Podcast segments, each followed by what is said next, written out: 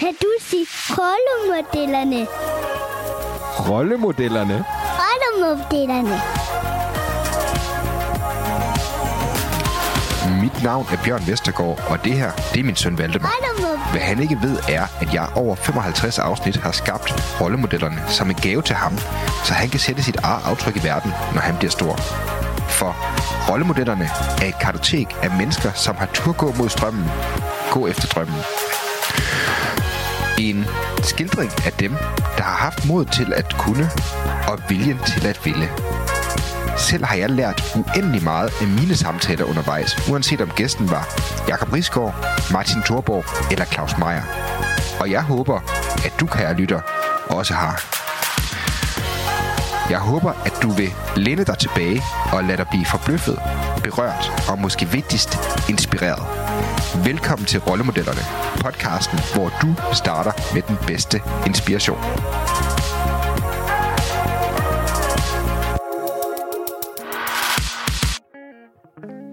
Ja, det er Bjørn her, og rigtig hjertelig velkommen til endnu et år med Danmarks mest vækstskabende podcast. Det er den, du kender som rollemodellerne.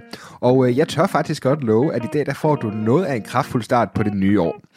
Fordi hvis du, øh, som mange andre kære lytter, er kommet sportende ind i 2022 med et ønske om at skabe nogle positive forandringer i dit liv, og få skabt nogle sunde vaner, så er det her afsnittet lige for dig. Det er nemlig fordi, at dagens gæst, han er, øh, for uden selvfølgelig at have en helt ekstraordinær succesfuld idrætskarriere, så er han en af de danskere, som kan lære dig absolut mest om, hvordan du får skabt rammerne, og de sunde vaner, som skaber de resultater, som du bliver rigtig glad for, som du håber, du får i dit liv. Gæstens navn, det er Eskil Ebbesen. Du kender måske Eskil fra hans helt ekstraordinære ro karriere i guldfieren, hvor han faktisk endte med at vinde hele fem OL-medaljer, hvor er tre af dem, det var altså guld. Og så har han selvfølgelig vundet et hav af VM-medaljer. Øh, det er helt imp- vildt imponerende, og det betød faktisk også, at Eskil i 2017 fik den allerstørste anerkendelse, man kan i dansk elitesport, da han blev optaget i Sportens Hall of Fame. Han er oprindeligt uddannet kantient i idrætsfysiologi, og så er Eskil foredragsholder, der har hjulpet en lang række af landets allerstørste virksomheder med at forbedre medarbejdertrivselen og resultaterne. Eskil, han er også forfatter til en række rigtig gode bøger, der handler om mindset, der handler om sundhed og om træning. Og så har han netop udgivet bogen Sunde Vaner med Succes, som er skrevet i samarbejde med træningseksperten Henrik Dur. Jeg synes, det er en super god bog, og jeg kan varmt anbefale den til dig, kære lytter, fordi det er en let tilgængelig bog og meget hands-on, så faktisk giver rigtig mange gode, konkrete værktøjer til, hvordan du kan lykkes med en vaneændring. Det bliver også nogle af de her temaer, vi kommer til at vende i dagens snak. Lige en øh, hurtig bønd til dig, kære lytter, fordi øh, rollemodellerne, det er jo det her Connemore-projekt, og det er altså kun mig, der driver den. Der er ikke et stort hold bagved. Så hvis du får noget værdi ud af rollemodellerne, hvis du kan lide den her podcast, så vil jeg være dig uendelig taknemmelig, hvis du har lyst til at efterlade en hurtig anmeldelse i iTunes, eller dele den med venner, eller på de sociale medier. Øh, det betyder, at der er flere, der får glæde af podcasten, og så gør du mig også mig en kæmpe stor tjeneste. Øh, der er faktisk allerede mere end 80 generøse sjæle, som har gjort sig den ulejlighed, som ikke tager særlig lang tid, så jeg håber, du vil være den næste i rækken, som kan gøre mig den tjeneste. Kan du gøre det, så vil jeg være dig meget taknemmelig. Og nu vi snakker om det, så er der faktisk en ting, som jeg nok ikke har fortalt dig, kære lytter, så klart som jeg måske egentlig have, burde have gjort. Jeg er helt vild med at høre fra dig, når du lytter med. Altså det er uanset om du nævner øh, os på sociale medier, om du sender en direkte besked, eller du sender en mail. Øh, du er altid meget velkommen, kære lytter, til at skrive til mig personligt, eller finde rollemodellerne på Instagram, Facebook eller LinkedIn. Øh, fordi jeg elsker egentlig bare at høre dine erfaringer med podcasten. Jeg vil gerne høre dine anbefalinger til, hvilke gæster jeg bør snakke med, eller bare et hej, som også gør, at jeg lærer dig bedre at kende. Så hvis du er fastlytter her og godt kan lide det arbejde her, så sig endelig hej. Det, det må du virkelig, virkelig gerne. Øhm, med de ord, så vil jeg egentlig bare sige rigtig hjertelig velkommen til Rollemodellerne. Det her, det er episode 62. Gæsten, det er Eskil Ebbesen. Så rigtig god fornøjelse med podcasten, og mange tak, fordi du lytter med. Jamen, øh, Eskil Ebbesen, hvor er jeg enormt glad for at se dig, og rigtig hjertelig velkommen til Rollemodellerne, som jo er den her podcast, hvor virkelig øh, dygtige og virkelig inspirerende mennesker får lov til at dele øh, deres vigtigste erfaringer. Og uh, det må jeg sige, det er da i den grad uh, en person, uh, der falder ind under den uh, paraply, som vi har fået med i dag. Det er jo dig. Velkommen til. Tak for det.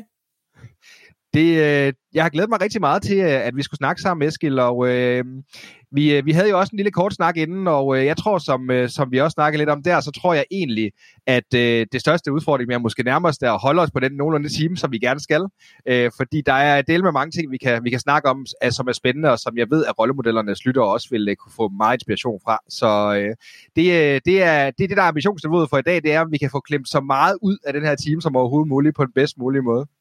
Det er frisk på. Det er fedt. Eskil, øh, jeg tænker, at øh, et godt sted at starte øh, er jo egentlig, man kan sige, at man kan jo ikke sige Eskil Ebbesen, uden man kan snakke om din helt fænomenale og ikoniske sportskarriere øh, inden for roning.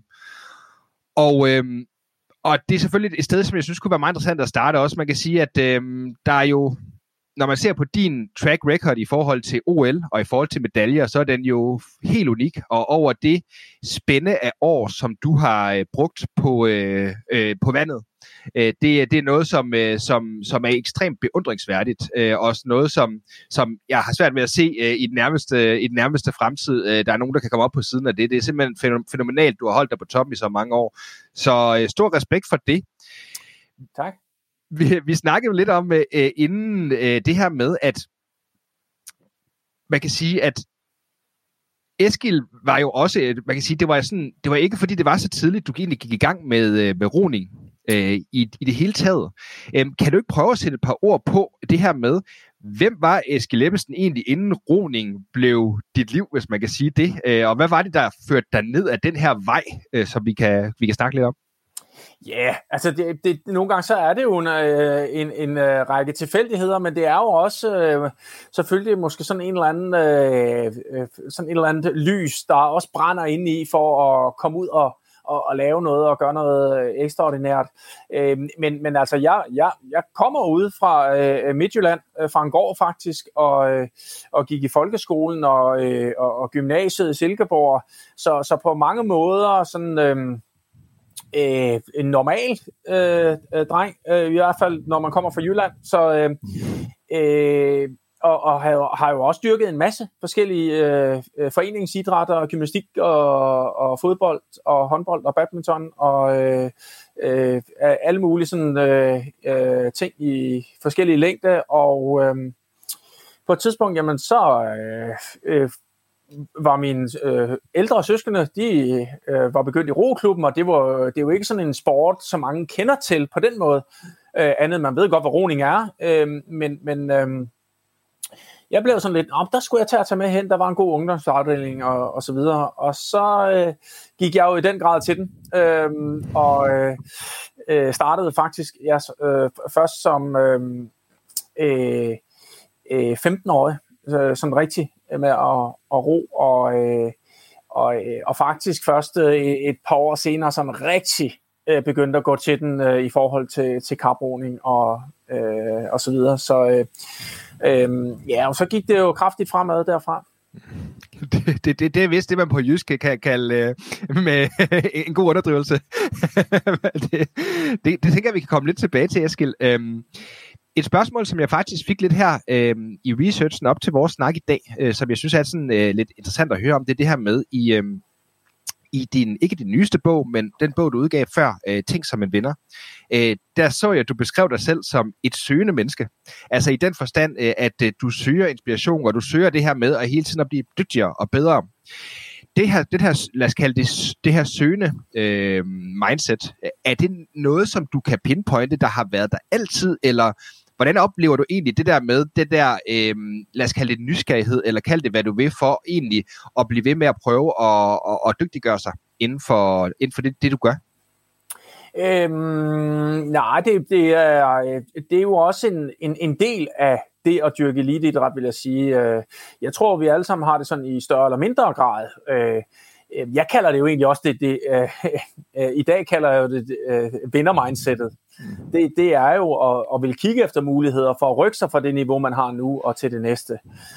Um, hvor, hvor man kan sige det modsatte, det er jo, at, at man sådan set er overbevist om, at, at man er, som man er, og, og, og det, det, det, man kan godt træne det lidt, men man kan ikke gøre så meget ved det. Um, men det her med, at, at man grundlæggende tror på, at, øh, at der er nogle muligheder derude for at rykke sig og blive dygtigere og blive klogere, Øh, og hvis man øh, kigger efter det, så finder man det også, og, og så er det også lettere at agere efter det, og, øh, og, og, og få nogle bedre resultater, og få nogle bedre erfaringer, og være mere lyttende til de ting, man oplever i sin dagligdag. Hvis man er overbevist om, at man har øh, øh, styr på det, eller man... Øh, man, man ved de ting, der skal vides, jamen så er man jo bare ikke lydhør over for de nye nuancer og, og ting og, og input, som der kommer. Så, øh, så jeg vil sige, at øh, øh, ja, hvis jeg lige skal svare på de spørgsmål sådan helt konkret, så kan man sige, at jeg tror, jeg havde det i, i en vis grad, øh, og da jeg startede med at øh, øh, dyrke roning, jamen, øh, der havde jeg måske også sådan, den sådan lidt, lidt smalsporet øh, Øh, vinder-mindset. Altså, jeg var meget optaget af, at nå, jamen, altså, hvis man skal ro stærkt, så, skal der, så skal, handler det bare om at komme i rigtig, rigtig god form.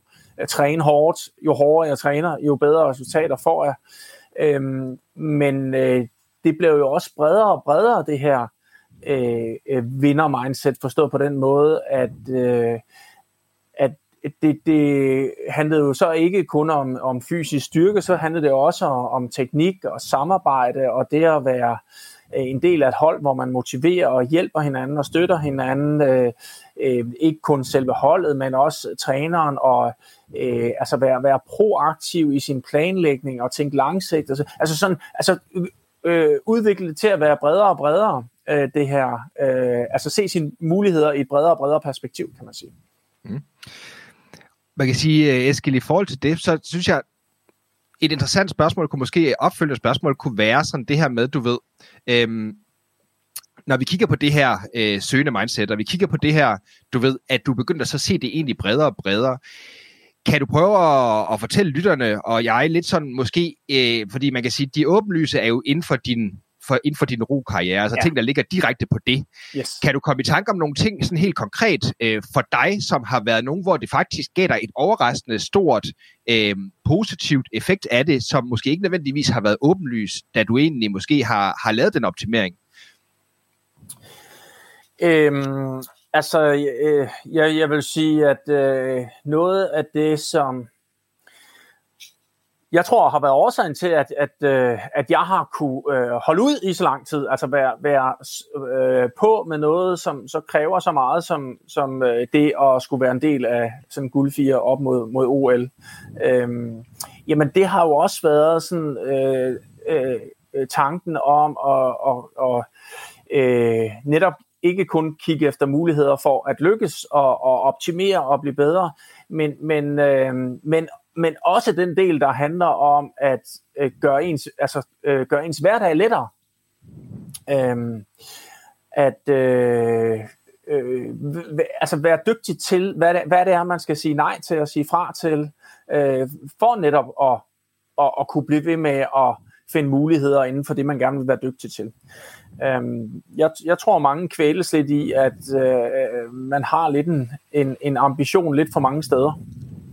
Øh, og så er, der, øh, så er det jo svært at, at, øh, at lykkes med det hele, kan man sige. Øh, så det der med at smalte lidt ind, og, og også nogle gange spørge sig selv, hvad er jeg klar til at gå på kompromis med, hvad er jeg klar til at ofre, hvad er jeg klar til at skrue ned for ambitioner for at lykkes med det, jeg allerhelst gerne vil. Øh, det er faktisk en ret svær disciplin, men det øh, vil jeg jo sige, at når, når jeg sådan spørger, hvad, hvad har været overraskende effektivt, så vil jeg sige, det er det.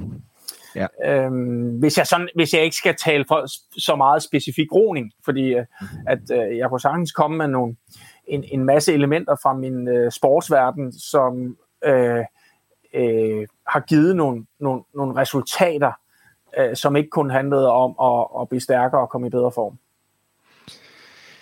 Ja, det, det, og det, man kan sige i hvert fald i forhold til, til det, det, er jo også, det er også meget interessant det der med netop, altså den, det, det, det, det hele, det, øh, hele det kompetencesæt, der ligger omkring roning, fordi det er i hvert fald noget af det, der slår mig, de ting, som, som jeg personligt har brugt meget tid på at dygtiggøre mig inden for, jo mere jeg har brugt tid på det, jo mere jeg er egentlig blevet bevidst om, hvor lidt jeg ved om de der ting, ikke? og jeg kunne forestille mig, at det må være i endnu større grad, når man ligesom dig har brugt så lang tid øh, på at dygtiggøre sig inden for en disciplin, øh, og gennem så mange år.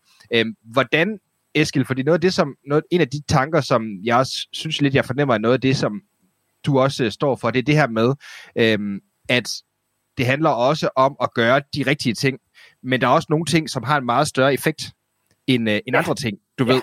Yes. Hvor det der med, at man kan hurtigt komme til at jagte en masse. Kan, kan vi prøve at snakke lidt om det her med, også i, hvordan du igennem din egen karriere, og det du sådan også øh, coacher og rådgiver virksomhederne til det der med at finde... Øh, lad os kalde det, det der, du kan kalde marginal gains, hvornår det er, du går og så tager på nogle meget små parametre hele tiden, eller hvor det egentlig handler om at tage, tage de store ting, som virkelig kan rykke billedet rigtig meget. Ja, øh, øh, nu, nu skal jeg lige øh, forstå spørgsmålet, øh, hvis du lige kan gøre det sådan helt kort.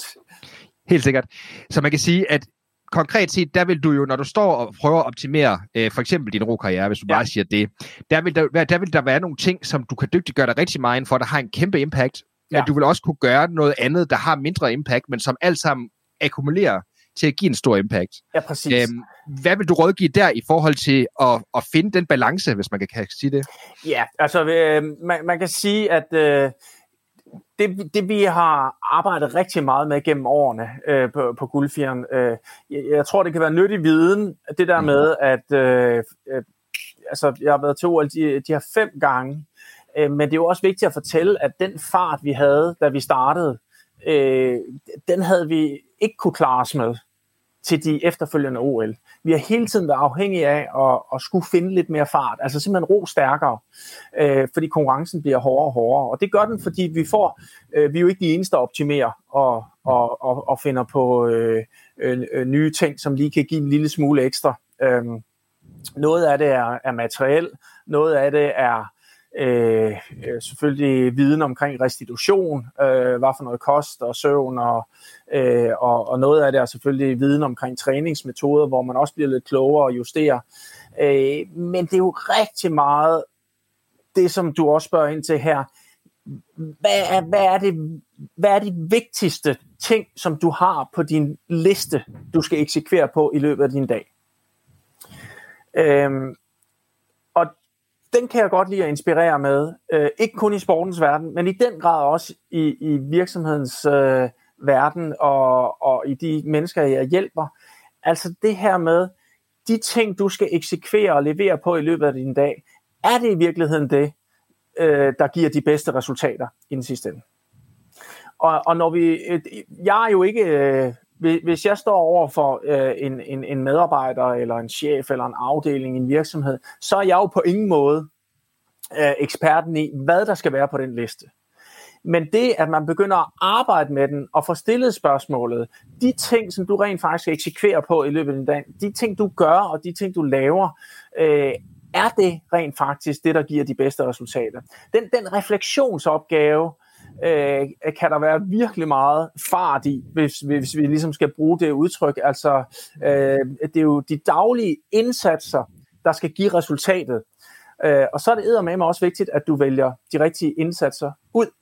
Øhm, øh, og øh, så, så det der med at arbejde med det og, og tænke over det, øh, det, er, det tror jeg en, en, kan være en virkelig, virkelig givende opgave for alle i forhold til det, vi ønsker at nå. Fordi vi går jo alle sammen rundt og laver, øh, hvad skal man sige, vi laver en masse hensigtsmæssige ting, men vi laver i den grad også nogle, nogle uhensigtsmæssige ting. Øh, det, det overrasker øh, som regel mange, det her med, at, at det vi går og gør i løbet af en dag, det er jo i overraskende grad styret af, af, af vores sådan, øh, vaner og impulser, altså ting, som vi bare gør automatisk, øhm, og at det i virkeligheden er ret få ting, som er sådan velovervejet, rationelle ting, hvor vi arbejder hen mod det resultat, vi gerne vil have på lang sigt. Øhm, vi, vi er måske nede og tale sådan et sted mellem forskerne, siger sådan mellem, mellem 1 og 10 procent, hvor vi sådan øh, decideret vælger øh, det, vi tror på er det smarteste. Resten, det kører sådan lidt på, på autopilot, øh, øh, typisk. Ja. Øhm, hvis jeg lige skal give nogle eksempler fra, fra vores verden i, i roning, jamen øh, så øh, i, i gamle dage, der, øh, der, der, et, altså, der, der gjorde vi måske, så tog vi ud og rode og, øh, øh, og, og, og lavede nogle programmer, og, øh, øh, og så gennemførte vi dem. Øh, så gik vi ind, så stod vi i vores våde tøj og, og, øh, øh, øh, og evaluerede, hvad gik godt, hvad gik skidt. Det er super, super godt at gøre det. Um, men med, med sådan ny viden og, og, og, og forskning, jamen så øh, var det måske vigtigere, at øh, vi fik noget tørt tøj på, når vi kom ind for træning. Øh, at, øh, øh, at, at vi fik noget hurtigt at, at, at spise, så restitutionen ligesom startede, øh, og så kunne vi så tage evalueringen af, hvad gik godt, hvad gik skidt, hvad skal vi være opmærksom på at arbejde med fremadrettet. Øh, noget, som jo også har været en stor del af vores udvikling, har jo været øh, kvaliteten i vores træning, at vi sikrer os, at vi får den her høje intensitet, øh, som er helt, helt afgørende for, at vi får rykket vores fysik øh, og får skubbet vores grænser og finder mere fart. Øhm, og man kan godt sidde derude øh, og synes, at man kæmper hårdt, men hvis det er blæsvejr og rytmen er dårlig, jamen, så har du faktisk ikke fået trænet din fysik øh, på samme måde. Øhm, det evaluerede vi ikke rigtigt på øh, i starten, men det er noget, vi er blevet dygtigere til. Så, så det der med alle de der øh, elementer, hvor man sådan stiller spørgsmålstegn ved, hvad gør vi?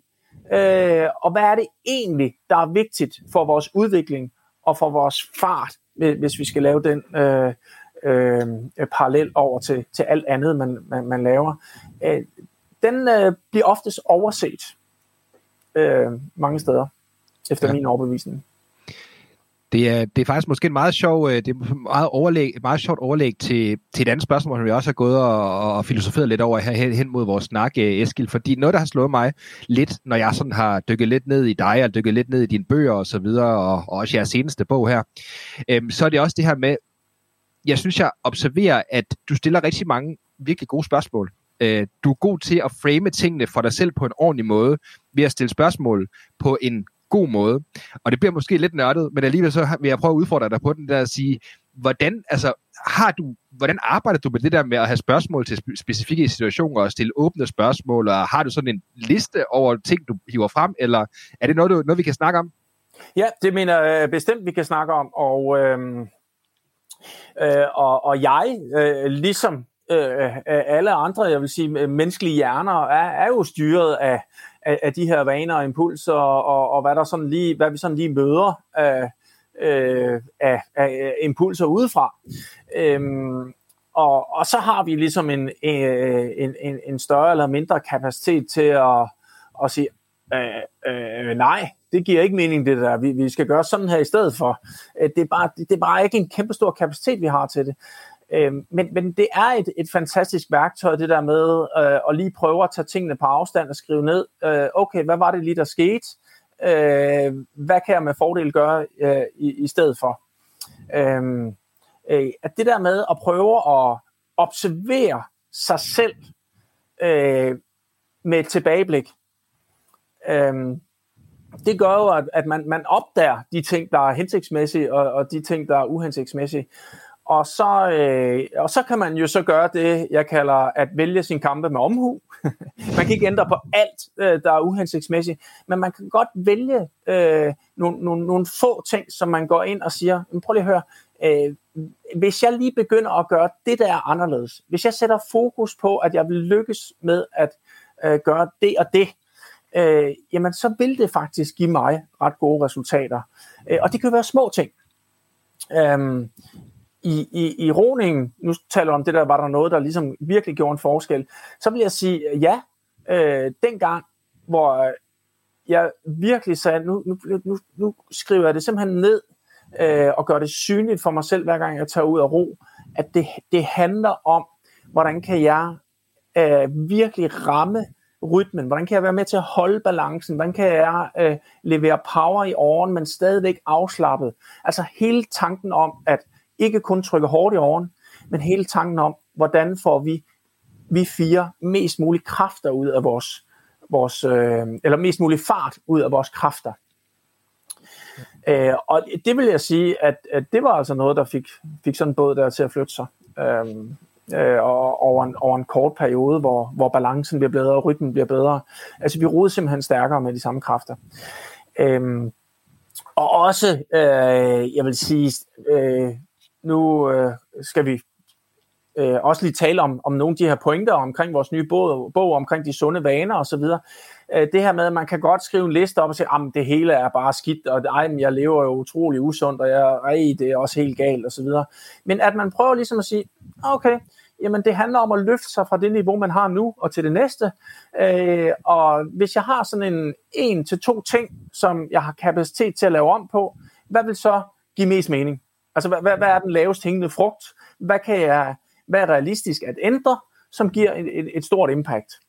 Øhm, det kunne være, ja, altså, for nogen, der kunne det være noget så simpelt, som at man øh, beslutter sig for at, at gå i seng, øh, øh, øh, syv, syv og en halv, otte timer, før man rent faktisk skal op. At sådan en lille ting kan jo gøre en fantastisk forskel, fordi at lige pludselig, så har man mere energi, så har man øh, øh, et bedre beslutningsevne dagen efter, og så videre, og så videre. Man husker bedre, og, og så videre. Så, øhm, øh, øh, så det der med at prøve at, at, at se sig selv lidt i helikopterblik, øh, det, er, det, det tror jeg rigtig meget på, øh, er øh, en, en lavpraktisk, nem øvelse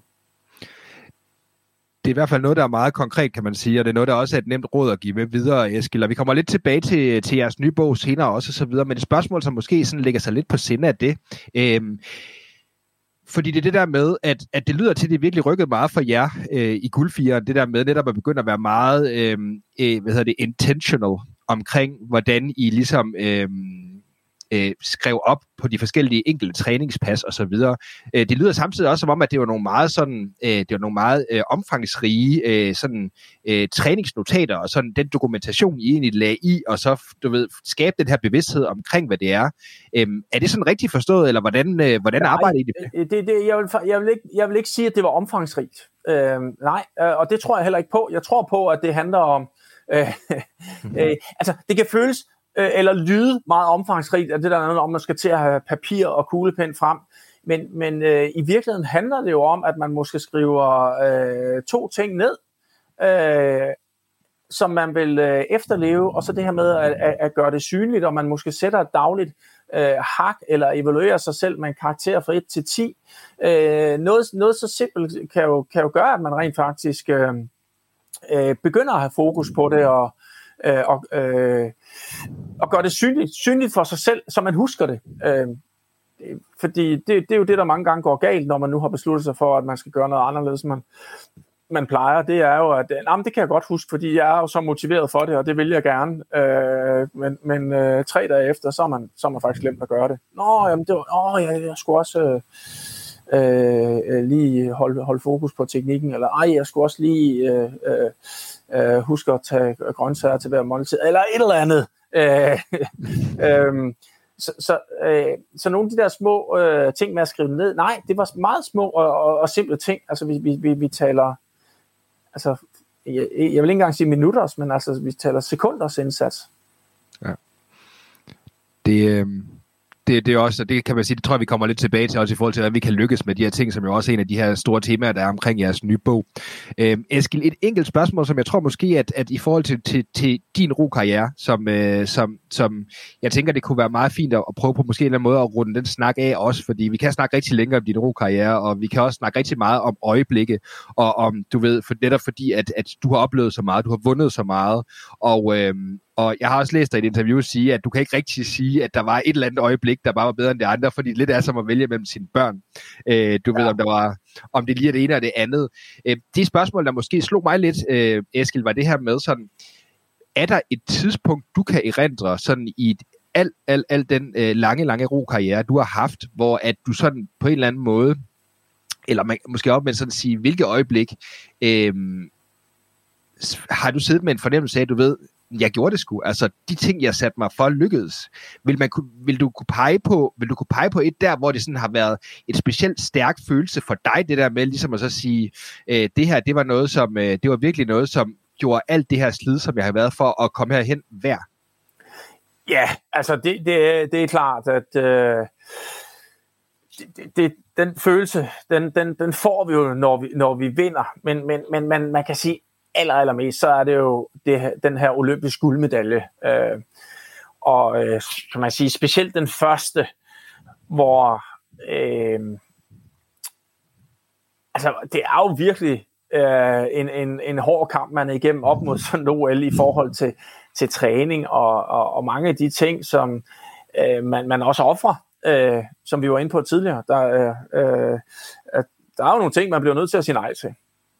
Øh, og, øh, og, og så stå med resultatet øh, bagefter og tænke, hold da kæft, man, det, det, det, det lykkes. Øh, vi, vi gjorde de rigtige ting. Det er bare rigtigt at, at sige nej. Så, øh, så det, det, det var følelsen, og, og den er jo så kun blevet forstærket de andre gange, hvor vi, hvor vi også er, er, er lykkes. Altså det her med, at en ting er, at, at man, man lige finder sammen med et godt hold, øh, hvor, hvor vi på en eller anden måde øh, Øh, er lidt heldige, at vi passer godt sammen, og vi øh, øh, øh, supplerer hinanden godt, og, og, og så lykkes det. Øh, men den er jo blevet forstærket i og med, at øh, hov, altså, der er altså nogle steder, hvor vi har fat i den lange ende, i, i forhold til vores strategi og vores fokusområder og øh, vores måde at samarbejde på, øh, som gør, at, at det, det var jo ikke helt. Øh, vi kunne gøre det igen, og det er klart, at, at når man gør det igen og igen øh, på et nyt niveau, øh, som, som vi siger, det, det jo er i sportens verden, det går jo hurtigere og hurtigere, jamen så er det klart, at øh, så, øh, så begynder man at få følelsen af, at det er altså ikke helt det her. Det er altså gode strategier og gode redskaber, øh, som, som, øh, som gør sig gældende, og med forskellige hold og forskellige mennesker osv. Ja, det er jo i hvert fald, kan man sige, det er også det, fordi folk snakker altid som, om guldfieren som et koncept, altså du ved, som en enhed, ikke? Men det, det er jo også det interessante i, at på den rejse, du har, det har været så mange forskellige, der har været en del af det, og måske en lille kuriosum, som jeg synes var egentlig er meget interessant også, er det her med, at, og correct me if I'm wrong, men var det i 2012, hvor at øh, I gjorde klar til det, hvor det var, at øh, jeres, øh, en, den en fra båden blev skadet, og så fandt I simpelthen ud af, at reserven roede meget hurtigere end ham, der var i, jeg kan ikke huske, om det var 8 eller 12, det var, i, det var tilfældet. Ja, i 2008, ja. ja. Øh, hvordan er det der med, altså fordi det er jo igen, altså det er jo et tilfælde, men det er jo alligevel ikke et tilfælde. Øh, kan du prøve at sætte et par ord på det? Ja, øh, det kan jeg godt. Øhm, det, det er klart, at vi skal selvfølgelig have, vi, vi skal jo have et potentiale, vi skal have et udgangspunkt øh, for at, at kunne gøre det, som, som vi har gjort med at vinde olympiske guldmedaljer. Øhm, og, øh, øh, og op mod 2008, der, altså, der kunne vi jo godt se, at vi rådede ikke lige så hurtigt, som, som dem, der rådede aller, aller hurtigst. Vi manglede lige, vi manglede lige lidt. Øhm, og, øh, og når man så kæmper så hårdt øh, som vi gør, og det er jo ikke kun træning, altså det er jo når vi kommer hjem og skal vælge øh, den rigtige kost, og, og som sagt prioritere søvnen, og, og en masse spændende arrangementer, vi siger nej til, fordi at, at vi har committet os til det her store mål, og vi vil det sammen. Øh, og det øh, er jo bare lettere, når det går godt. Altså når man, får, øh, når man får resultaterne, så får du også belønningen for den kraftige indsats, og man får bekræftelsen, yes, øh, du, du tog kampen, og du tog de svære valg undervejs, og det gav resultatet. Men forestil dig, at man kæmper og, og tager de rigtige valg, og man øh, lægger sig i scenen og, og, og bliver ved, og så får man ikke resultaterne. Øh, den største motivation, vi kan opleve, det er jo følelsen af, at vores indsatser har givet resultatet. Øhm, så bliver det selvforstærkende, så får vi øh, bliver bekræftet, hold da op, det hjælper øh, at, at, at tage de, de, de svære valg. Øh, den mentale kamp i at sige, jamen prøv at høre her, vi bliver ved med at, øh, at lægge os i scenen, gør de indsatser, som vi godt ved er rigtigt, øh, og, øh, og, og blive ved med at kæmpe kampen, og, og tro på, at der er en eller anden kode, vi nok lige skal knække, øh, for lige at få den ekstra fart i båden. Øh, det at blive ved med også at arbejde med troen og mindsetet, og, øh, og selvfølgelig alle de lavpraktiske dagligdags ting, det var jo en lang, lang hård kamp, når ikke du får resultatet. Øh, men det gjorde så også, at vi var klar, da vi øh, får reserven på øh, halvanden måned før. Øh, og, øh, og det på en eller anden måde er, er jo så i det her tilfælde den nøgle, øh, som lige giver os de ekstra øh, to-tre sekunder, som gør, at vi pludselig er det, øh, er det bedste hold i verden. Ja, det der, jeg synes, jeg læste, jeg, jeg læste historien der i, øh, i, i Ting som en vinder, og altså det der med at så få øh, bevidstgjort, hvad der egentlig sker for jer, når jeg er på sådan en bane der. Det er, jeg synes, det er en super god bog for øvrigt. Øh, men også det der med netop, og så føle, du selv er en del af den båd og sådan der, og det giver nemlig også en helt anden nuance til det, fordi når du sidder og ser det udefra, jamen, så ser du de her fire, der bare kæmper som en enhed, men når du så også begynder at forstå, hvad der sker, når I sidder i båden, så er det, øh, det er vanvittigt fascinerende at være med på, Eskild. Øhm, et spørgsmål i forlængelse af det, tænker jeg, så kan vi måske begynde at snakke lidt mere i forhold til, hvordan vi kan, hvordan vi kan bruge det her øh, mindset, og hvordan vi bedst muligt skaber de her rammer for hverdagen. Øhm, men fordi øh, det du selv siger her, det er jo netop også, at det som jeg også fik fornemmelsen, det er, at 2008 øh, OL-guldmedaljen var svær for jer, fordi der var rigtig mange ting, der ikke kørte for jer på den tidspunkt. Hvad har i din optik, eller hvad har i din erfaring været de, der gjorde, at der, hvor tingene var, øh, undskyld udtrykket, lort for jer, øh, og hvor det ikke tydede på, at I var, øh, at I overhovedet skulle nærmest altså, komme på medaljeskablen øh, i Beijing, øh, så var de her store mål for jer. Hvad var det, der virkede for jer? Altså, hvad var det, hvordan fandt I det øh, drive, den indre, det ydre drive, der skulle til? Øh, fordi, som du selv siger, det er noget andet, end når tingene bare går, og du bare kan se, at du øh, lever ind på de ting, du egentlig har sat dig for. Hvad, hvad virkede? Øhm, jamen altså, jeg har allerede været inde på, at det der, det der virkede, det var jo øh, øh, det der med at øh, holde fast i troen på, at, at, at, det, at, at øh, øh, der, der ligger garanteret en eller anden fart derude. Øh, og vi arbejdede jo med nogle ting, og øh, jeg kan huske, vi blandt andet valgte en, en, en, en hård kamp omkring nogle, nogle øh, lettere over, som var lidt mere skrøbelige. Øhm, og, og der blev egentlig sagt nej, det, det er for risikabelt at ro med dem og så videre, øh, hvor vi sådan var lidt, øh, ja, men prøv lige at høre, øh, vi får testet de der over af, vi, vi skal nok sikre os, at, øh, at vi har trykket hårdt i dem øh, inden, inden OL-finalen. Øh, så, så nogle år, som var lidt lettere og lige lidt hurtigere, og vi arbejdede med, med, med altså, virkelig skruet mindsetet på for at kigge efter den nye fart, ud over bare at prøve at, øh, øh, altså de, de normale ting, vi arbejder med. Altså virkelig prøve at kigge i et bredt perspektiv. Så vi troede, altså vi troede på, at, at, øh, øh, at, øh, at muligheden var der. Jeg kan huske nogle gange, så havde jeg beskrevet det sådan lidt, okay Eskil, øh, det kan jeg jo godt lide, at prøve at lige øh, spørge mig selv og være realistisk. Eskil, hvis du skal svare på, hvad er jeres realistiske chance for at vinde en olympisk guldmedalje? Øh, og, og jeg kan huske, at det, det, det realistiske svar var måske 1-2 procent. Øh, og man kan sige, det er jo ikke særlig meget. Øh, og måske var det ovenikøbet overvurderet. Øh, men, men, øh, Øh, men det er jo det der med, at man siger, okay, jamen godt, altså kan, kan jeg øge den procentsats? Altså kan, kan vi gøre et eller andet, som vi øger den til, til 5 eller 10 procent? Øh, jamen jamen det, var, det var det mindset, som, som jeg synes virkede. Øh, og, øh, og kommer man afsted med 10 procent, altså, øh, altså det er jo ikke det er jo ikke som at spille lotto, vel? Altså, det, der er, ah, så er muligheden der altså. Øh, og, øh, så, så, øh, øh, så det der med, at, at, øh, at vi bliver ved med at tænke i, i, i det her med at rykke os fra det, altså troen på, at der var mulighed for at rykke os og finde ny fart lige til det sidste, har jo været øh, øh, kampen. Og så øh, har det selvfølgelig også været en stor hjælp, at, at man sådan kunne, at man har en referenceramme. Altså vi har prøvet, at jeg har prøvet at vinde, og øh, øh det havde, var det Thomas Ebert, som var med på det tidspunkt. Øh, Altså, vi, altså man kan sige, vi havde alle sammen prøvet at have, have topniveau, så, så øh, vi vidste godt, hvad det krævede af indsatser i forhold til, hvad er det, vi skal efterleve i forhold til vores kost og, og, og vores træning, og hvad er det for nogle individuelle resultater, jeg skal have. Det, så det, det gjorde jo trods alt, øh, at vi havde også den her erfaring og, øh, med os, øh, som gjorde det lidt nemmere at tro på det. Ja. Det, øh, det i hvert fald, kan man sige, der, der, der, der er der også noget i at, at, at, at have tilliden til at vide, hvad der skal til for ligesom at tage den rejse, kan man sige. Eskil, øhm, jeg tænker, at, at, at det er måske et meget godt tidspunkt at begynde at snakke lidt, fordi at, at jeg spurgte dig også sådan lidt inden øh, det her interview, sådan at sige, hvad, er det, hvad, hvad, hvad skal vi virkelig nå rundt omkring, før du synes, at det her interview, det virkelig er noget, hvor du har kunne bringe dig selv allerbedst muligt i spil.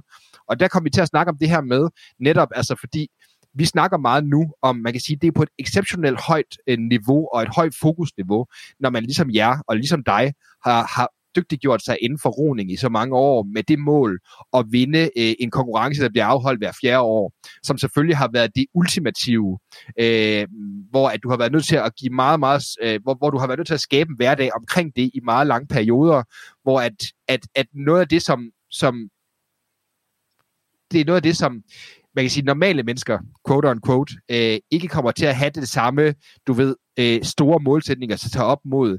Alligevel så er der noget med det her, med det som, som vi også snakkede om, det er det der med, hvordan skaber man egentlig en hverdag, øh, hvor at man lykkes med at efterleve de ambitioner, man har, som jo også er en af de øh, ting, som I snakker en del om i den øh, nye bog, jeg har skrevet, øh, Sunde Vaner med Succes. Øh, skal vi ikke prøve at snakke lidt om det, det her med sådan, altså, fordi at, at nu har vi snakket på meget, meget, på, på et meget, øh, et meget konkurrencemæssigt plan. Et niveau, kan man sige, ja. Ja, lige præcis. Øhm, hvordan, hvis vi skal starte der, øhm, fordi det er jo et eller andet sted også noget med, hvor, hvor meget kan du ofre på den korte bane, for at få noget, som ligger derude. Og de fleste af os sætter jo ikke målsætninger for ikke at, fordi vi, altså vi har jo en ting, vi gerne vil med det. Øh, vi har noget, vi gerne vil opnå, men vi ved jo også godt, at rigtig mange indfrier ikke de målsætninger, de sætter for sig selv. Nej. Så lad os prøve at snakke lidt om, hvordan, øh, hvordan kan vi gøre det? Hvordan hjælper vi lytterne, og hvordan får vi øh, flere folk til at nå i mål med deres målsætninger her sådan, øh, igennem den hverdag, som de også bygger sig? Ja, altså øh, noget, noget af det, som øh, er en af mine allerstørste kæpheste, øh, det, det er den her 95-5-regel, øh, som, øh, som jeg kan sige, da, da, da jeg øh, begyndte at arbejde med øh, øh, at hjælpe andre, øh, dels inden for, for, for sundhed og træning, men også øh, senere hen øh, hjælpe virksomhedsledere og virksomhedsmedarbejdere, øh, i det hele taget virksomheder til at, at, at øh, skulle lykkes med deres strategier, deres mål og strategier. Øh, så oplevede jeg, at der blev talt rigtig meget om målet og de resultater, man gerne vil, hælde, øh, eller vil have, øh, og man talte meget om, at øh, det kan vi godt, og det tror vi, vi tror på det, vi skal skabe troen på, at vi, vi, vi kan nå resultatet. Øhm, hvor jeg så alligevel sidder med den der følelse, jamen prøv lige at høre, du bliver jo altså ikke bedre af at sætte et mål. Og du bliver sådan set heller ikke bedre af at tro på, at du kan nå målet. At du bliver helt konkret, så bliver du bedre af at finde ud af, hvad det er, du skal justere og gøre anderledes i din hverdag, hvis du skal have et bedre resultat. Altså du skal, du skal finde ud af, hvad kan, hvad, kan, hvad kan få dig til at gøre de indsatser i dagligdagen, der gør, at du får resultatet.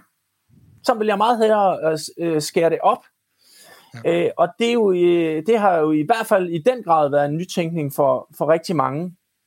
Øh, og det er jo det, jeg kalder 95-5-reglen. Det er 5% fokus på selve det resultat, øh, og du gerne vil opnå, men 95% fokus på, øh, hvordan, hvordan skal det lykkes at få gjort de indsatser i dagligdagen.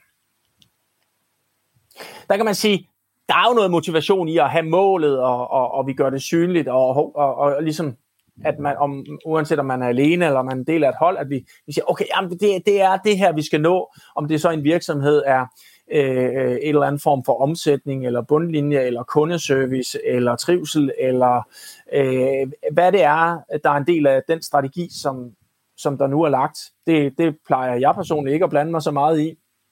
Øh, men som sagt interesserer mig for øh, udfordringen på, øh, på, de, øh, på 95, 5, eller undskyld, på 95-delen. Altså, okay, jamen, øh, hvad har I gjort af overvejelser øh, for, hvordan det her det skal kunne lade sig gøre? Øh, hvad, hvad er det helt konkret, den enkelte skal gøre anderledes i sin hverdag, for at få det resultat? Øh, allerede den beregning er der jo mange, der står af på. Jamen, øh, vi skal bare, vi skal bare lige, vi skal bare lige klemme ballerne lidt mere sammen. Hvor jeg så siger, øh, ja, det tror jeg faktisk rigtig mange gør i forvejen.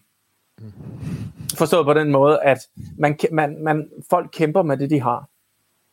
Mm. Så hvis ikke, hvis ikke du skaber nogle, nogle rammer, altså hvis ikke du øh, gør nogle ting nemmere, eller, eller optimerer nogle ting, eller øh, benytter nogle nye strategier øh, øh, i din dagligdag, jamen så kan du ikke bare forvente, at, at folk tager sig mere sammen øh, og leverer mere.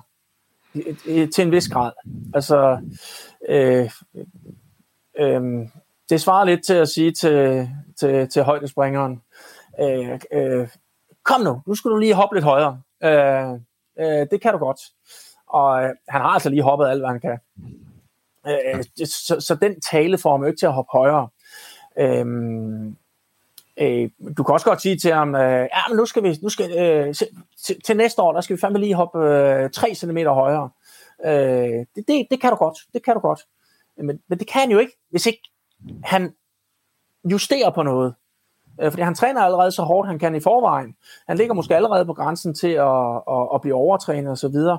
Men det der med at gå ind og, og tale om, okay, men skal vi justere lidt, skal vi skrue lidt op for, for styrketræningen øh, og ned for noget andet, Øh, øh, vi, måske skal vi bruge lidt mere videooptagelser af, af, af fine-tune-teknikken. Alle de der øh, små detaljer, som, som kan optimere øh, øh, den indsats, der bliver gjort i dagligdagen, så resultatet bliver bedre.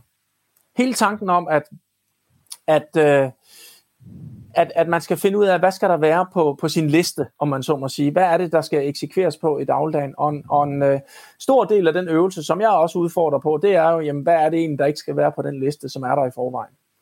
Øh, fordi du kan ikke bare lægge, du kan ikke bare presse mere ind på den der liste. Du skal også på en eller anden måde frigøre noget, noget øh, tid og noget energi, hvis du skal lykkes med noget nyt. Ja, så faktisk, så faktisk optimere ved at fjerne, i stedet for at lægge på, hvilket ja. kan virke altså modsat for mange. Præcis. Altså hele første kapitel i, i, øh, i um, Sunde Vaner med Succes, den, den handler faktisk om, at man får spurgt sig selv uh, og laver den her refleksionsopgave. Hvad er det egentlig, der uh, koster tid og energi i din dagligdag, som egentlig ikke rigtig giver værdi? Mm. Um, og uh, bare det spørgsmål, det gør, at man begynder at, at ligge og lede efter det, fordi jeg tror, at rigtig mange kommer til at sige ja til noget, øh, som egentlig koster dem meget tid og energi, som de fortryder, når de siger ja til det. Øh, men det ligger jo først ude i fremtiden, så, så, øh, så, så det går jo nok. Øh, og der er faktisk et, et, et psykologisk fænomen, der, øh, der tyder på, at vi, når vi tænker øh, i fremtiden, så forestiller os, vi os, at vi har en ideel dag. Altså vi, vi, er, vi er friske, vi er motiveret, øh, og vi har energi, som når vi er bedst. øh, men man bør måske lave sin planlægning mere efter, at man har en gennemsnitlig dag, og man bør også forberede sig på, at man har en dårlig dag, altså øh, hvor man har lidt det, vi kalder uh, low battery, hvor, uh, hvor man sådan lige har lidt svært ved at, at, at komme ud. Altså spørge sig selv, uh, hvordan lykkes jeg på de dage?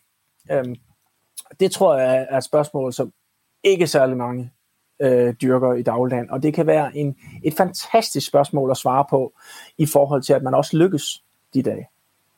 Ja. Det er, det, det er jo nemlig nogle rigtig, rigtig gode spørgsmål, og det er jo nogle i hvert fald et, et rigtig... Øh, det, det er et rigtig godt sted, i, synes jeg, i forhold til at komme lidt videre med at snakke måske lidt mere om bogen. Øh, det her, men netop det her med at så sige, jamen, fordi noget af det, som, som er ret spændende omkring det, Eskild, synes jeg, det er det her med, du ved, fordi at det er det her med at finde ud af, hvad er det, der tager din energi, som, øh, som I også skriver om i, øh, i Sunde Venner med Succes. Øhm, meget af det, som jeg også hører dig sige, og som vi også snakker om, både i forhold til din ro-karriere, som også er noget af det, som i det tankegods, du har efterladt i dine bøger, som jeg i hvert fald også sidder lidt med, det det her med, at det kræver også, at man er, øh, igen bruger det engelske ord, intentional, fordi jeg ikke kan huske det danske, men du ved, at du ligger faktisk en masse tankegods i, og øh, hvad hedder det, og gøre dig selv bedre. Altså finde ud af, hvordan kan du på den lange bane blive bedre til det, du gør? Hvordan kan du gøre tingene nemmere for dig selv? Har øh, I nogle ting, I anbefaler i bogen, af nogle af de øh, ting, som du gør med de øh, mennesker, du hjælper, eller med de virksomheder, du hjælper, som du ved virker meget til at så finde rummet til at gøre det? Fordi et eller andet sted, så er det vel måske også et udtryk for, at det moderne menneske har øh, meget travlt, er altid lav på energi, der er altid et eller andet, de skal se, eller streame, eller lytte til, eller, eller et eller andet. Ikke? Men det der med at tage sig tiden til at gøre sig selv god, hvad plejer du egentlig at anbefale folk at gøre der? Ja, altså jeg, jeg, jeg bliver nødt til at sige, at det er meget individuelt. Altså, vi kan jo sagtens sige, at øh, der er jo rigtig mange, som får dårlig søvn, øh, og, og der er også rigtig mange, som øh, bruger meget tid på, på skærm og så videre. Øh, men der, øh, så, så, så det er jo selvfølgelig, øh, jeg vil ikke sige, det, det, det, det er et nemt sted, sådan rent praktisk, men, men det kan jo godt være svært at efterleve. Det, det er jo det her. Øh, øh, men øh, øh, der har vi jo sådan nogle trick til det, men, men altså det her med, at, at øh, som jeg også var inde på tidligere, at man prøver at, at, at finde øh, den eller de få lavest hængende frugter, så man ikke tror, man skal øh, tage hele æbletræet på en gang. Mm. Øh, men øh, øh, ja, øh, det, det, kunne være, det kunne være søvnen, men, men øh, nogle eksempler også fra bogen, det er det her med, at, at øh, man lige siger ja til et eller andet arrangement man, man sidder måske lige med en tanke, der hedder, altså lige nu er der jo ikke noget i kalenderen, så det kan jeg jo godt. Men, men altså hvis jeg skulle gøre det lige nu, så gider jeg jo ikke. Øh, eller, eller det giver jo ikke mening. Og, og det der jo mange gange sker, det er jo, der kommer jo ting i kalenderen, og, og der kommer en masse andre ting. Øhm, og, øh, og så fortryder man. man har committet sig øh, til et eller andet. Altså det eksempel, det er øh, den her kvinde, som siger, ja, jamen jeg syr der lige øh, de der dragter til, øh, til vores øh, øh årlige øh, øh, øh, dramaskuespil der for børnene, ikke? Øh, så kan børnene lige spare øh, øh 40 kroner hver, i stedet for at vi lige skulle have det forbi øh, en, en professionel syrske, ikke? Øh, så det kan der sagtens. Det, øh, og det er, jo, det er jo en fantastisk, sympatisk tanke, men når man så sidder med de der øh, øh, øh, dragter der, der lige skal, skal syes der de sidste øh, uger op til, øh, og man øh, får ikke dyrket motion, og øh, man har slet ikke overskud til at tænke over, hvad man øh, øh skal lave sund mad, og, øh, øh, og man går man måske også lidt for sent i seng. Øh, jamen altså, øh, så er konsekvenserne af at have sagt ja til det der måske øh, langt større end, end, end, end den gevinst. Altså, det, som, som jeg skriver, man har måske egentlig lyst til bare at betale for alle de der dragter. Øhm, så, så det der med, at vi tror, at vi har tid og mere tid og energi i, i, i fremtiden, og en god øvelse kan jo være, at man sådan øh, spørger, okay, jamen, øh, det du siger ja til, hvis du skulle gøre det, hvis du skulle gøre det nu, øh, vil, du så være, vil, vil du så være klar til at ofre noget af det, du skulle i stedet for? Øh, det kan være et ret godt spørgsmål. Ja. Øhm, ja, ja, altså jeg kan godt komme med nogle, øh, nogle eksempler, men jeg, men jeg vil sige, det er meget individuelt. Og vi lægger også op til, man, man læser bogen som en inspiration til at de her forskellige his, øh, historier og, øh, og viden om, øh, hvad er egentlig en lavt hængende frugt? Altså forstået på den måde, at øh, for nogle er det søvn, for nogle er det kost, for nogle er det motion, for nogle er det øh, at gå en tur, for nogle er det at løbe en tur, for nogle er det at cykeltur. Altså det her med, vi, vi kan jo ikke øh, sidde øh, her øh, uden at kende, øh, vi skal kende folks historier, og vi skal kende deres dagligdag, før man kan finde ud af, hvad er den lavest hængende frugt for dem. Ja. Altså, hvad er realistisk at ændre på, som giver en stor effekt? Og der kan man sige, der er i hvert fald nogle rigtig konkrete, nogle rigtig gode øh, redskaber øh, i bogen, som øh, man kan tage udgangspunkt i. Øh, både i forhold til sundhed, fordi det er jo faktisk det, der er det interessante, øh, Eskild, fordi man kan sige, selvom den hedder Sund Vaner med Succes, og, og, og man kunne forledes til at tro, at det egentlig er det overordnede tema, det mest af sundhed, så er det jo faktisk øh, en meget bredere paraply, vi snakker om. Hvad er det egentlig, der har været jeres, øh, jeres øh, grund til at skrive bogen, eller hvorfor føler I, at den her bog har skulle skrives nu? Øhm, Ja, altså, øh, øh, kan man sige, jeg, jeg, hvis ikke der havde været corona, og vi ikke øh, var blevet afholdt fra at holde en masse fysiske arrangementer, jamen så havde vi nok ikke haft, haft tid til det. Øhm, øh, men vi er, jo, vi er jo egentlig rigtig glade for, at vi har fået muligheden for at, øh, at samle den her viden. Øhm, jeg har en masse erfaringer fra fra, fra virksomheder og, og fra elitesporten osv. Henrik har en masse erfaring øh, fra, han har hjulpet en, en masse mennesker. Man kan sige, han, han har jo øh, haft meget overvægtige mennesker, som han har hjulpet øh, til at, at tabe sig og holde vægten. Det er faktisk den sidste del, som er, er rigtig svært. Ja. Øhm, og, øh, og psykologien er jo det samme. Altså jeg er lige ved at sige, at øh, jeg har altså stor respekt for dem, der har været meget overvægtige, og så lykkes med at tabe sig og, og holde vægten. Altså det, det er jo samme mentale og, og, og psykiske øh, øh, øh, hvad skal man sige, power, som det kræver. Det, det er jo samme bedholdenhed og disciplin i deres dagligdag, der skal til i princippet for at lykkes.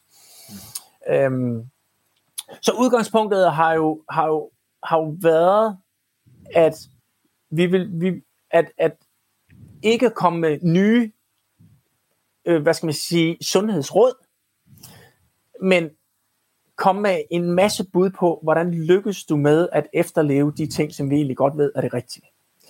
Øh, og det har jo i virkeligheden, som du også er inde på, øh, meget lidt med, med sundhed at gøre. Øh, det har jo noget med alle mål og ambitioner, vi har i livet. Det, det er i hvert fald en, det er en god bog. Det kan, det kan varmt anbefales, så øh, det, øh, er, er, den, den, den, den giver nemlig nogle altså, rigtig konkrete ting, både til det, kan man sige, som vi snakker om her, med hvordan du skaber den hverdag, og hvordan du bevidstgør dig selv, hvad det er for nogle ting, men selvfølgelig i lige så høj grad også, øh, hvordan du kan få mere sundhed, om det er så gennem kostændringer, eller om det er gennem øh, motion øh, og fysisk aktivitet. Præcis. Altså, øh, man, man kan sige, at øh, der er jo selvfølgelig en, en del, der handler om, øh, hvor, hvor vi ligesom siger, jamen, hvad, hvad er egentlig øh, den gode træning, altså, og hvad er den gode øh, øh, kost, altså hvordan, hvordan kan du ligesom nemt efterleve en, en, en sund kost. Øh, men, men ellers så kan man jo sige, at øh, to tredjedel af bogen øh, kan man jo bruge til alle mulige målsætninger, som ikke nødvendigvis har med, med, med øh, sundhed at gøre. Men, ja. men øh, i princippet, det at man, man, man, man har et mål, og man har en plan, som man godt vil, vil, øh, vil efterleve, men har lidt svært ved at efterleve den, der vil der være rigtig god øh, inspiration at hente os. Det vil jeg sige. Det synes jeg bestemt, jeg kan, ja, det, det, det kan jeg godt øh, understrege, det er der, øh, Eskild. Øh, et spørgsmål, eller et par spørgsmål øh, i forlængelse af det her, tiden det går rigtig hurtigt, øh, og det er fordi, det er en super god snak, vi har gang i. Øh, det første spørgsmål, jeg sådan lige også har lidt i forlængelse af bogen, øh, det er også det her med, og måske også øh, lige så meget det her med at lykkes i det hele taget. Vi snakkede, og det har vi været lidt inde på tidligere i den her podcast, det her med, øh, hvor meget mentalt det egentlig er, hvor meget tankerne fylder, og hvor meget en tanke kan skabe en handling, og hvor meget vi ikke, øh, der er ude af vores øh, kontrol, kan man sige, eller i hvert fald det er ubevidst, så vi egentlig foretager en reaktion, som vi måske ikke nødvendigvis er hensigtsmæssig, men som vi heller ikke er klar over. Så vi på en eller anden måde er det, der sker. Man kan sige, at en af de ting, som vi lægger op til i bogen, er jo også meget det her netop med at så øh, indrette hverdagen til at lykkes med de her målsætninger, som vi har. Og der kan man sige, du ved, en af de måder, man gør det på sådan konkret, øh, og som jeg også anbefaler, er jo netop det der med, øh, det er meget fysiske ting, så hvis du gerne vil for eksempel lave en løbetur, eller du gerne vil ind i en sund omkring en løbetur, så gør du det meget nemt for dig selv at løbe. Øh, du ja. ved, om det så er ved at nærmest ligge dine løbesko, så du falder over dem, når du står ud af sengen, eller hvad det er. Du ved, men en del af det her omkring mindsetet, som jo faktisk er meget rammesættende for det, vi har snakket om i dag, det er jo ting, der ikke måske nødvendigvis er så fysiske. Det der med, at du har en eller anden reaktion øh, og på et tankemønster, der kommer op i dig.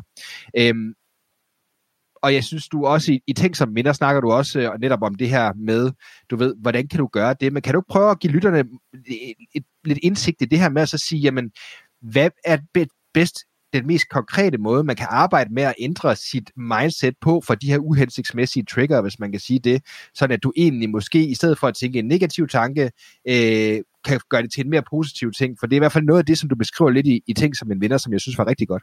Ja, øhm, Øh, og, og det er fuldstændig rigtigt, børn, for lige at, at komme tilbage. Jamen, vi, vi, vi, vi prøver at gøre det let. Øh, sådan, altså, du skal, jo, jo lettere du kan gøre det for dig selv at komme afsted på den her løbetur, øh, som du siger, øh, snuble over øh, skoene, have tøjet klar om allerede om aftenen. Øh, øh, man lægger måske væk ud og lidt væk. Øh, øh, fordi hvis øh, det ligger lidt for tæt på, og man vågner op med en tanke, der hedder, øh, nå for fanden, ja, det er fordi, den ringer, fordi jeg skulle løbe. Øh, ej, det er sgu da lige meget. Øh, den får lige en snuser. Øh, hvorimod, at øh, hvis bare telefonen ligger de der 3-4 meter væk, øh, jamen så det, at man er kommet op, øh, så kan det godt være, at man lige får en tanke, der ah, jeg kunne da godt lige blive liggende lidt, men nu er jeg jo op. Altså, det er det der med, at der skal ikke, der skal ikke så mange ting til, øh, før at, øh, at øh, hvad skal man sige, mindsetet også ændrer sig, tankerne også ændrer sig. Øh, men alligevel, selvom vi har gjort os nogle fysiske og praktiske foranstaltninger, øh, så kan vi jo stadigvæk blive udfordret øh, på vores tanker.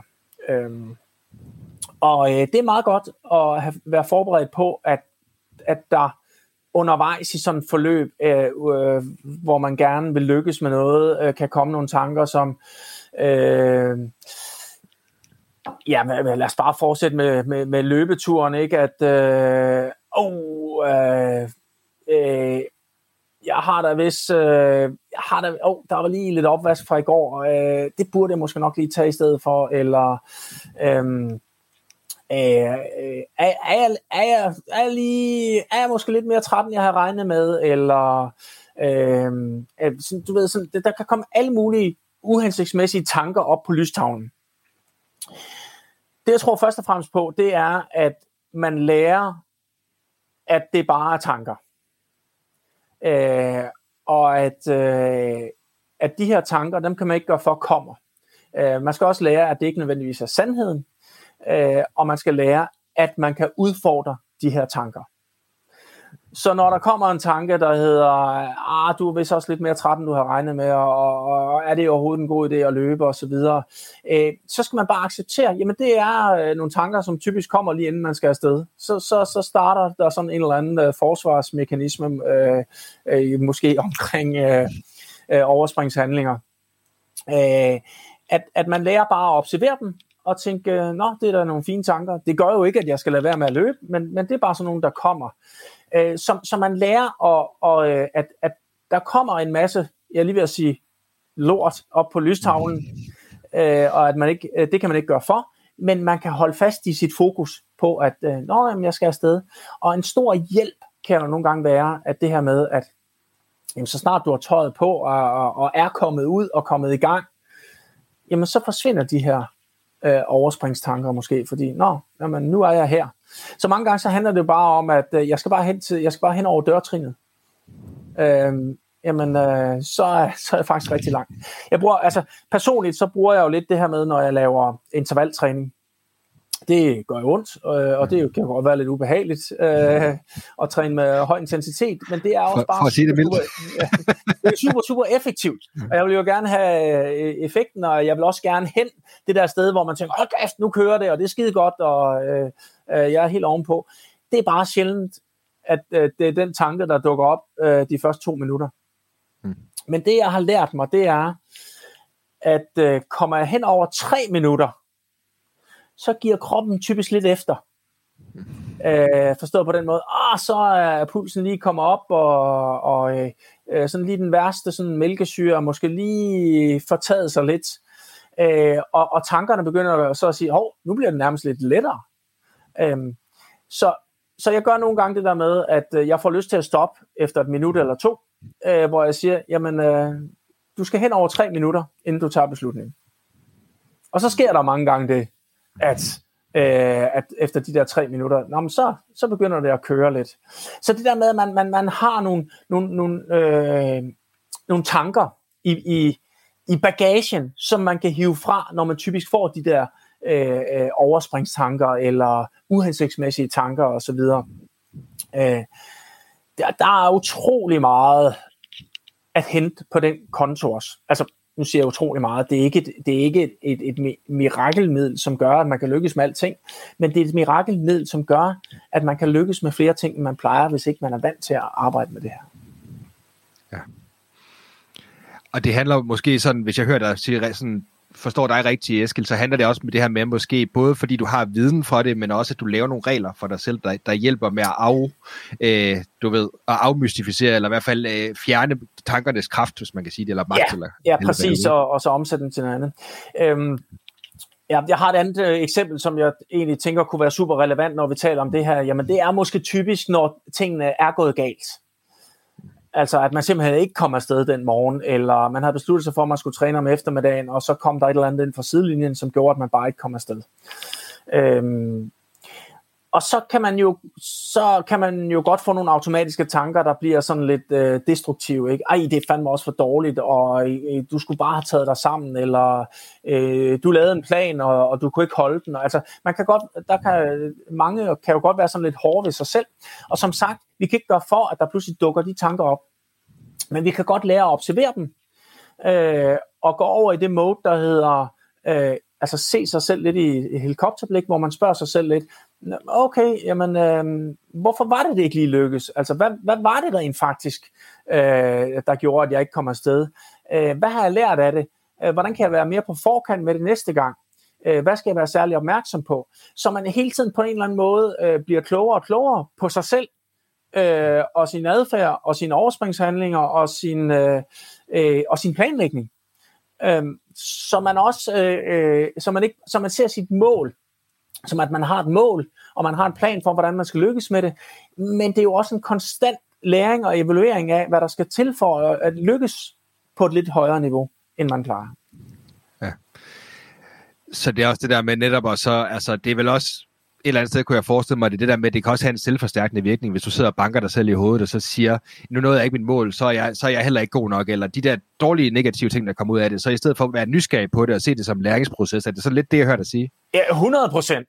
Altså det her med, at, øh, at, øh, at det er jo klart, at hvis man lærer de uhensigtsmæssige tanker tale øh, og tro på dem, øh, jamen så forsvinder al motivation til at fortsætte os. Altså, så snart, så snart det er gået galt første eller anden gang, så tænker man, ah, det, det kommer jeg sgu ikke i mål med det her. Men det der med, at øh, man bare øh, lærer at observere, jamen det er, det er vores natur, at, at, øh, at vi er lidt øh, efter os selv, og at, øh, at det, det er bare nogle uhensigtsmæssige tanker, der ligger og popper lidt op, og at, øh, at vi bare skal lære, måske at de kommer, øh, eller også skal vi øh, lære bare og sådan rent praktisk at være lidt på forkant med det. Øh, så, altså, så vi ser det som en læringsproces.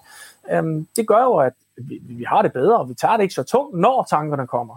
Øh, så på den måde er det øh, enormt effektivt.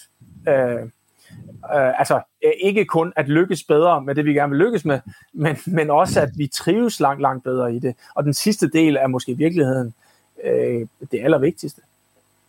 Ja.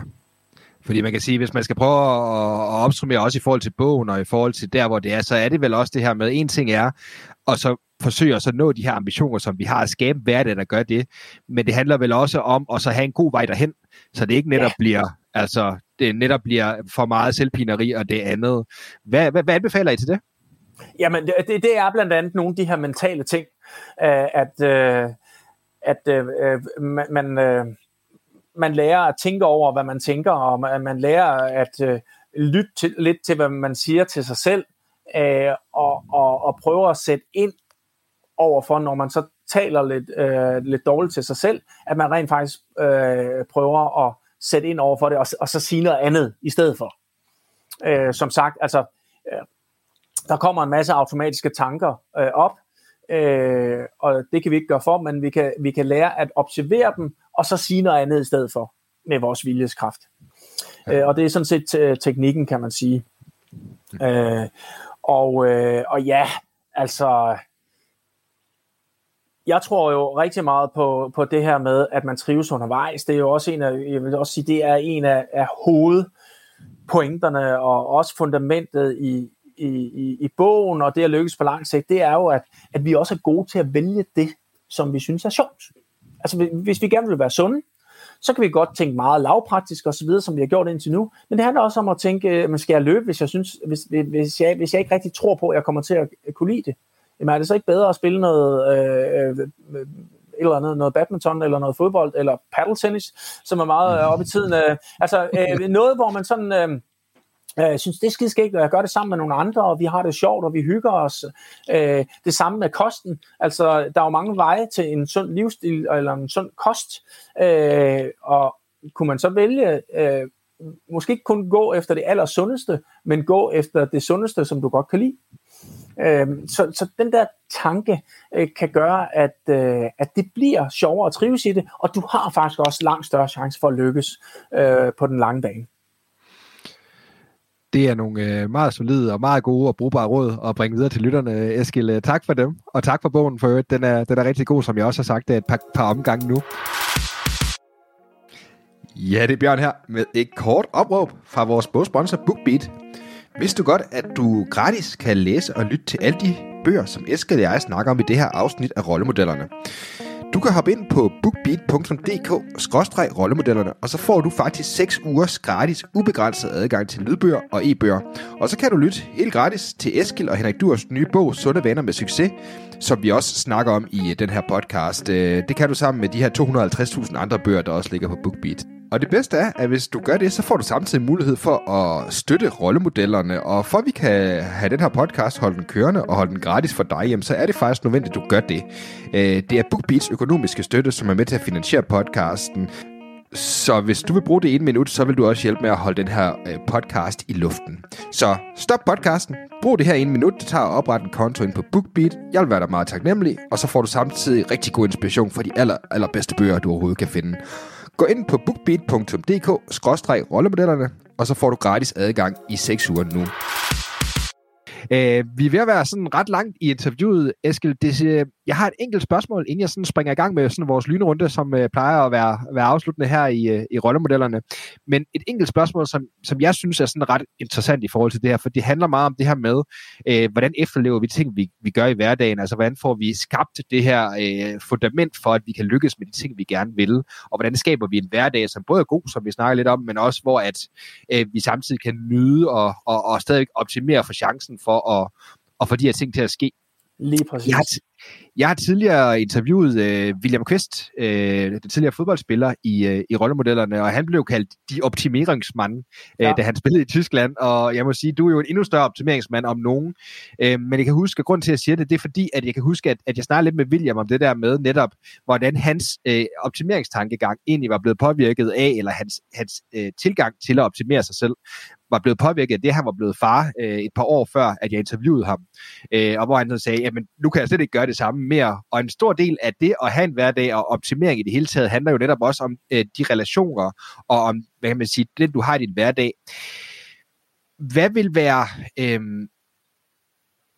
hvad vil være de vigtigste værktøjer, du vil kunne anbefale i forhold til det her med netop at så se, at du stadigvæk, øh, de, langt de fleste mennesker kan ikke bare, du ved, sidde øh, i en hverdag, og så kun fokusere på den her ene optimering, fordi de indgår i en række forskellige relationer og har, en, har nogle forpligtelser rundt omkring, hvis man kan sige det.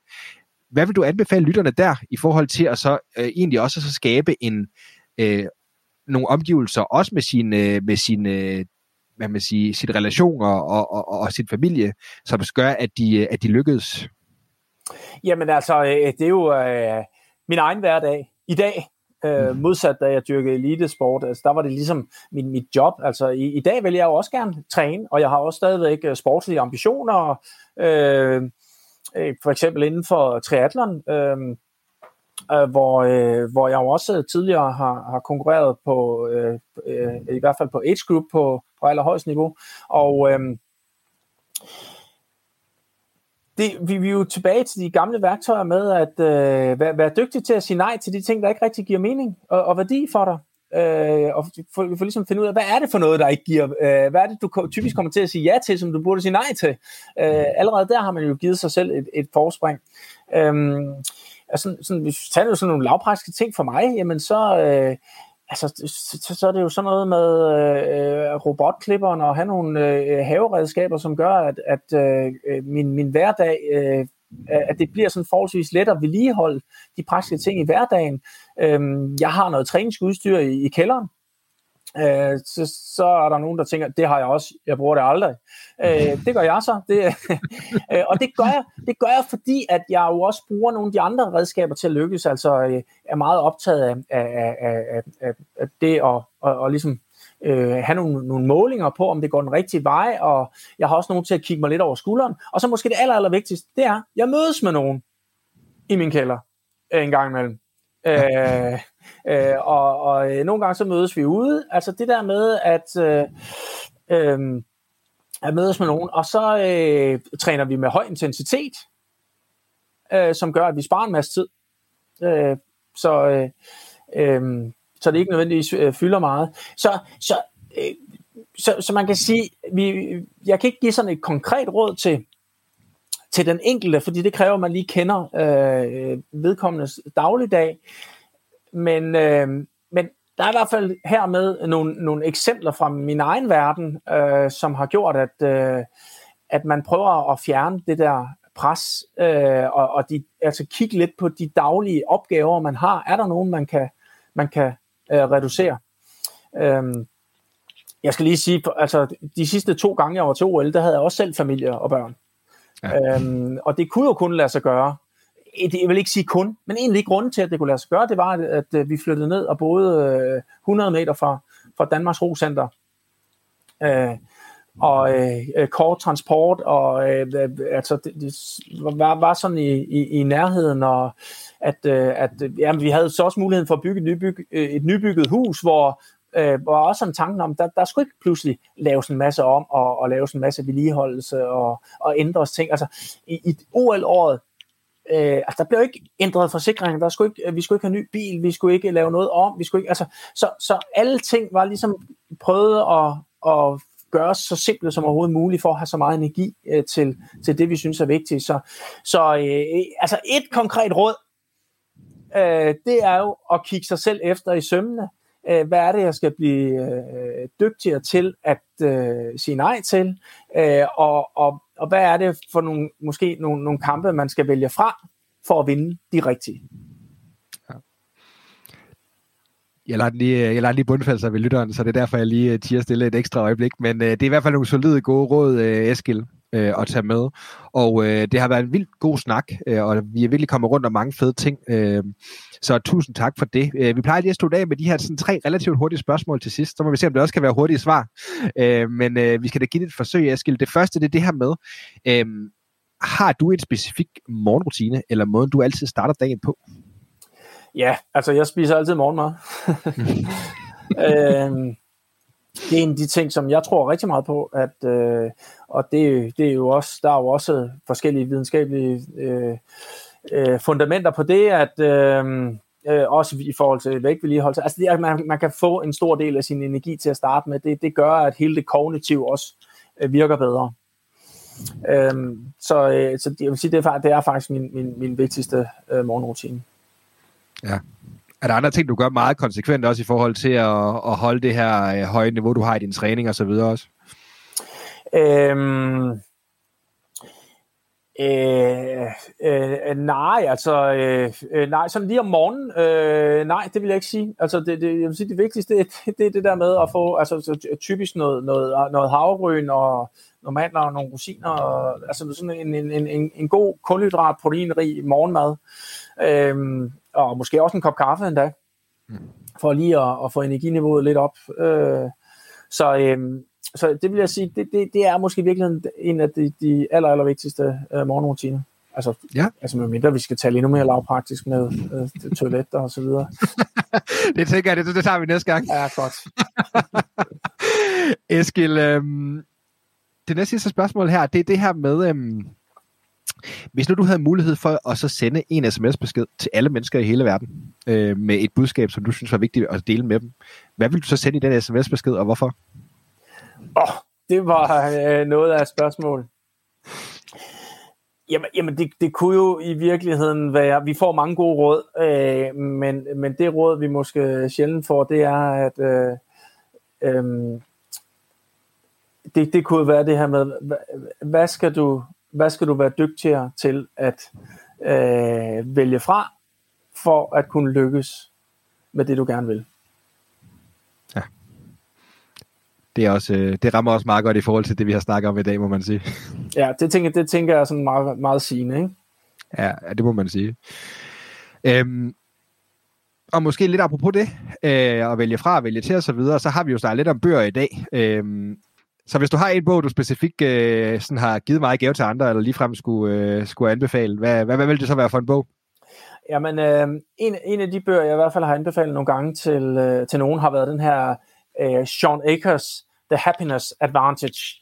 Og, øh, og den handler sådan grundlæggende om det her med, at rigtig mange, de forfølger nogle mål for at blive lykkelige. Hvor øh, han er meget optaget af, at hvis du koncentrerer dig om at og øh, øh, trives i din dagligdag, jamen så vil du nå bedre resultater. Øh, fordi vi kender godt historien om, at, at rigtig mange, øh, jamen altså, der, man trives egentlig ikke undervejs, fordi man tænker, når jeg når mit mål, så bliver alt godt. Øhm, og det er jo lidt egentlig ærgerligt, at man ikke kan have det sjovt og have det godt i, i, i processen. Øh, og, og hans pointe er så, at øh, jamen, hvis du rent faktisk øh, har det godt, så vil du også typisk øh, lave bedre resultater og have mere overskud. Øh, og det har han nogle gode øh, øh, pointer om, omkring det, som, som jeg også synes er en god forlængelse af hele den snak, vi har haft indtil nu.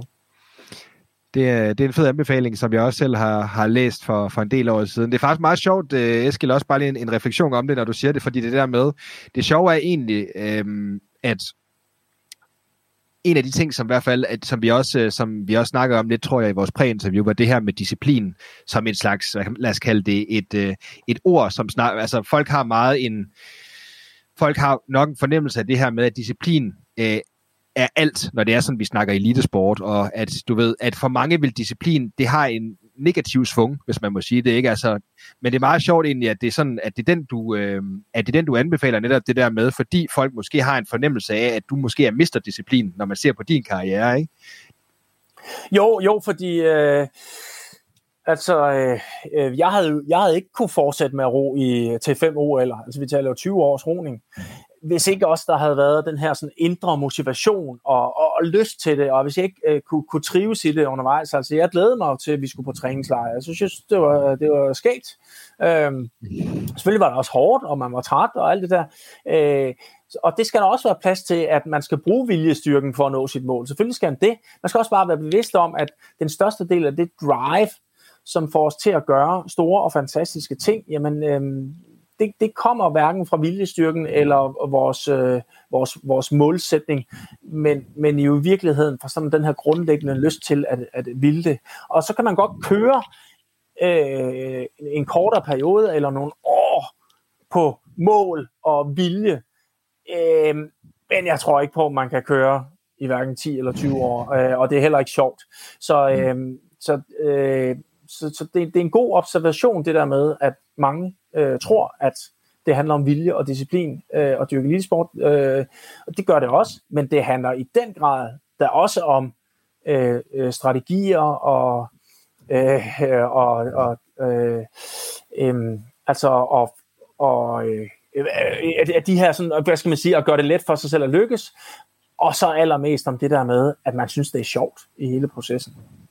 Og ja. at, at, at, at man kan lide at, at, at være en del af det miljø, som man er. Det, øh, det må man sige. Og hvis der er noget, jeg kan sige, så er det, at jeg har i hvert fald godt kunne lide at være en del af den her samtale. Det har været super fedt, Eskild. Øh, Tusind tak for dine øh, fantastiske øh, gode erfaringer og alle dine mange øh, brugbare råd, som øh, jeg glæder mig til at dele med lytterne. Øh, hvis du lytterne synes, at den her snak har været lige så fed, øh, som jeg har, og, og egentlig gerne vil, øh, vil følge dig mere, man kan sige, de skal selvfølgelig læse øh, jeres nye bog, øh, og så øh, måske nogle af dine, dine tidligere bøger også, men hvor, hvor kan de ellers følge dig? Sociale medier eller andet? Ja, jeg er ikke så aktiv på øh, sociale medier, øh, men... Øh, men jeg vil sige, ja, altså øh, øh, bøgerne øh, og øh, er, er jo nok der, hvor man får sådan øh, de bedste redskaber i hvert fald til at lykkes med det her. Og de, de findes jo også på, på lydbøger, så det er jo ikke sådan, man, man nødvendigvis skal have et, et fysisk eksemplar. Det, øh, det er det. det kan man, øh, så kan man få puttet det ind i hverdagen, når man, hvis man har lidt for travlt til at få læst, ikke? Jo, det er det. Eskild, det har været vanvittigt fedt. Tusind tak for snakken, og tak fordi du vil deltage. Selv tak. Det har været en fornøjelse. Du har lyttet til Rollemodellerne. Podcast er produceret af mig, Bjørn Vestergaard Barfod. Klip og redigering, Anders Guldberg. Jeg er tilbage med en ny inspirerende gæst næste gang, så du kan starte med den bedste inspiration.